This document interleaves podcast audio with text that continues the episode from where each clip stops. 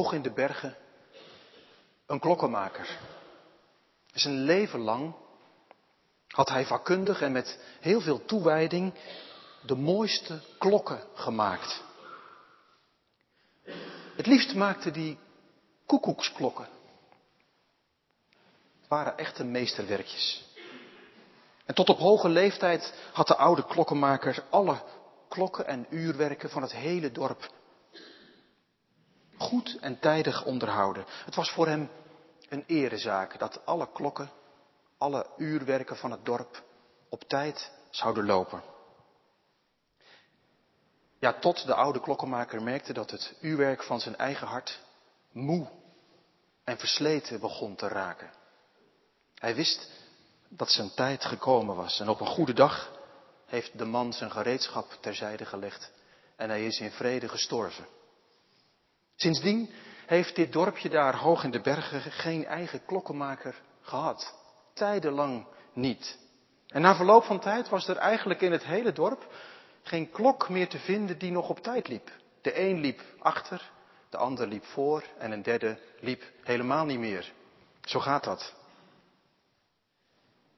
En niemand wist meer precies hoe laat het was in het dorp. En op den duur wen je eraan.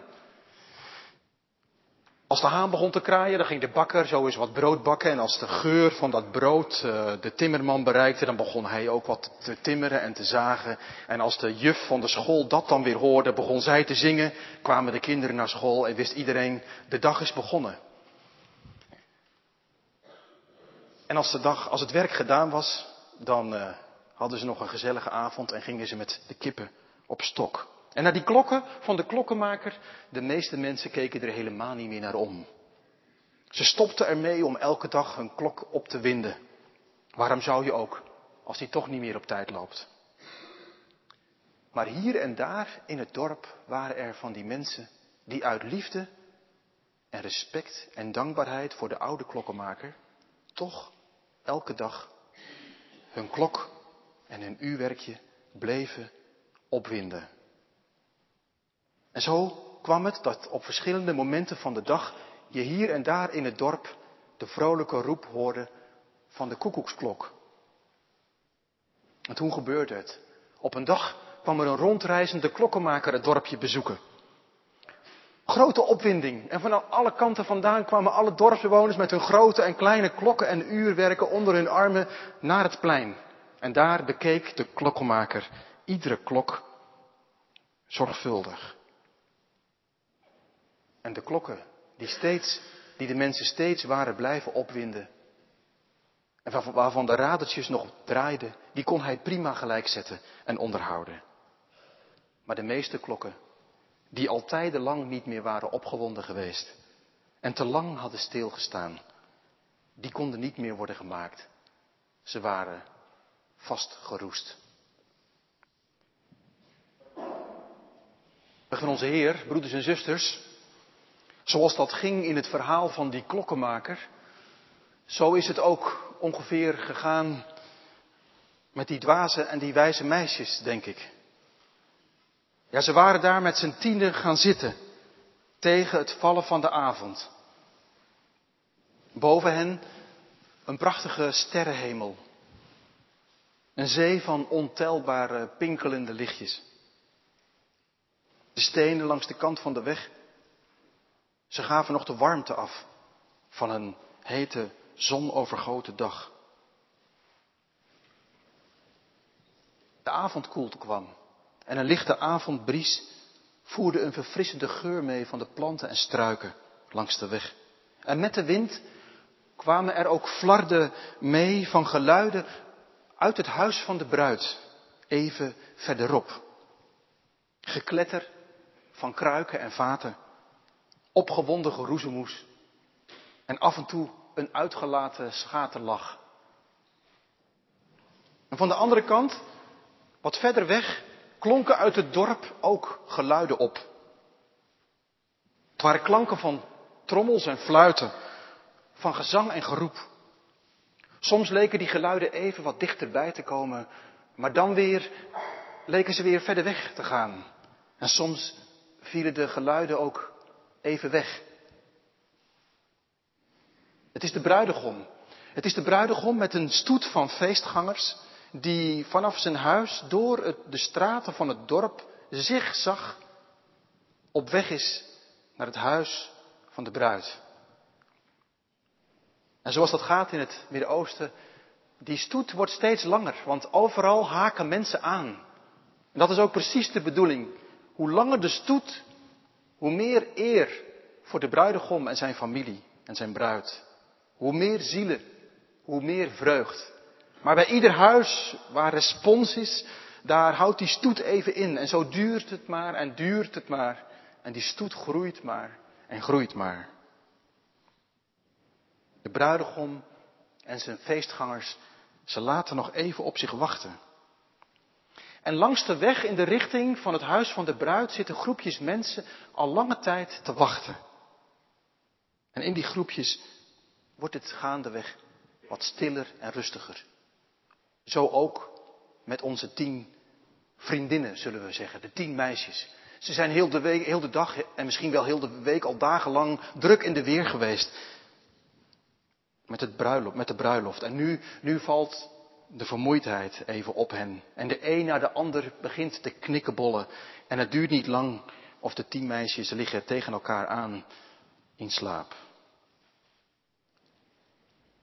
Tot er ineens een luide roep klinkt. Van dichtbij. Een luide, indringende roep. Daar is de bruidegom.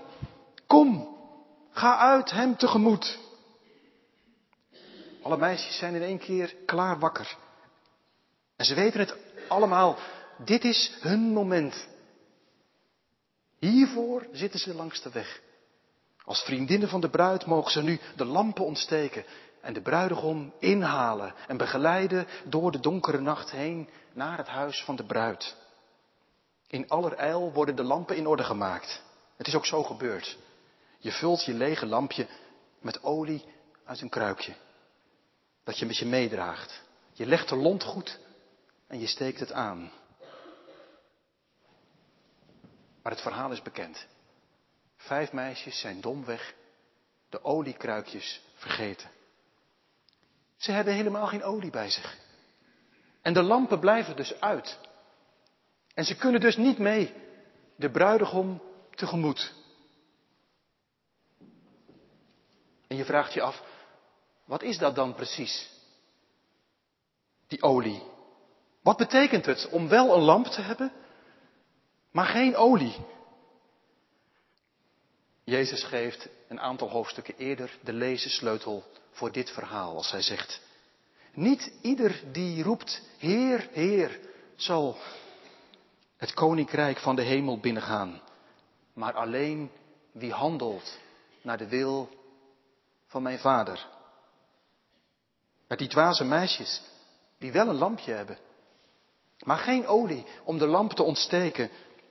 Ze zijn als die mensen die Jezus ontmoet als hij rondgaat en die wel zijn woorden horen, maar er niet veel mee doen.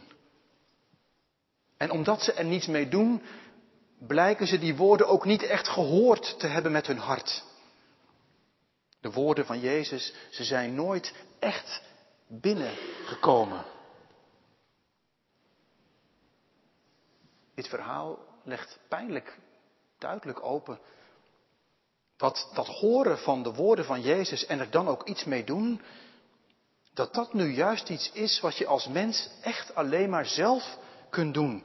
U voor uzelf, jij voor jouzelf en ik voor mij.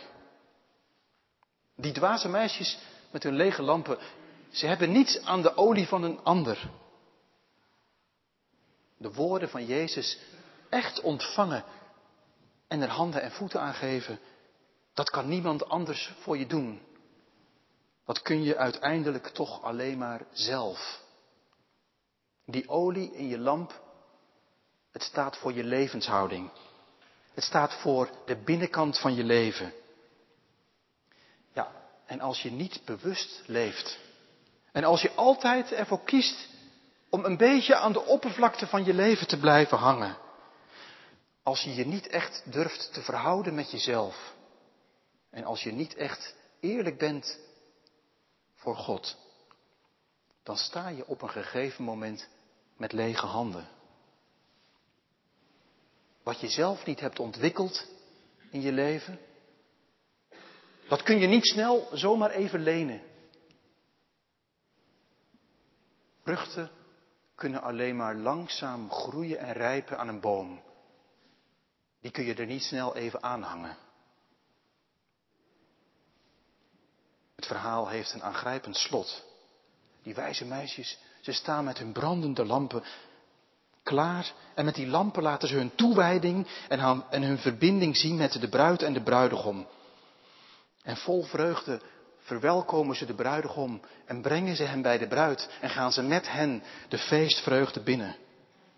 En die dwaze meisjes, ze staan er buiten. Ze kloppen nog wel aan. En ze roepen, Heer, Heer, laat ons binnen. Maar hij antwoordt in alle eerlijkheid, ik ken jullie niet. En daar is het precies mee gezegd. Hij kent hen niet. Zij hebben zich niet laten kennen. Zij hebben zich niet echt geopend en toegewijd en toevertrouwd aan de bruidegom en de bruid. Zijn eigenlijk vreemden gebleven. En als het erop aankomt, staan zij dus op afstand. Het verhaal over die tien meisjes, het gaat over de dag die komt, maar daarmee gaat het ook over iedere dag van ons leven. Want Jezus gebruikte dat beeld van de bruiloft eigenlijk heel vaak om uit te leggen wie Hij is en wie Hij wil zijn voor de mensen die Hij tegenkomt. En de mensen die dit verhaal hebben gehoord voor de eerste keer, die zagen voor hun ogen de bruidegom staan. Jezus zelf, uitnodigend, wenkend, warm, tegemoetkomend. En zo is het ook bij u en bij jou en bij mij. Iedere keer als er woorden van de Heer tot je komen, in je stille momenten, in de auto, s'morgens vroeg, s'avonds laat en ook nu in deze dienst, dan klinkt daar eigenlijk heel subtiel de roep naar u en naar jou en naar mij. Hier is de bruidegom. Ga hem tegemoet.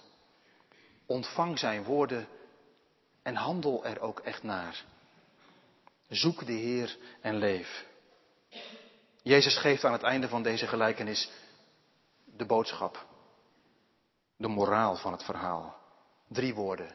Wees dus waakzaam. Vroeger als jongetje dacht ik, oei, ik werd daar een beetje schichtig van en onrustig en bang.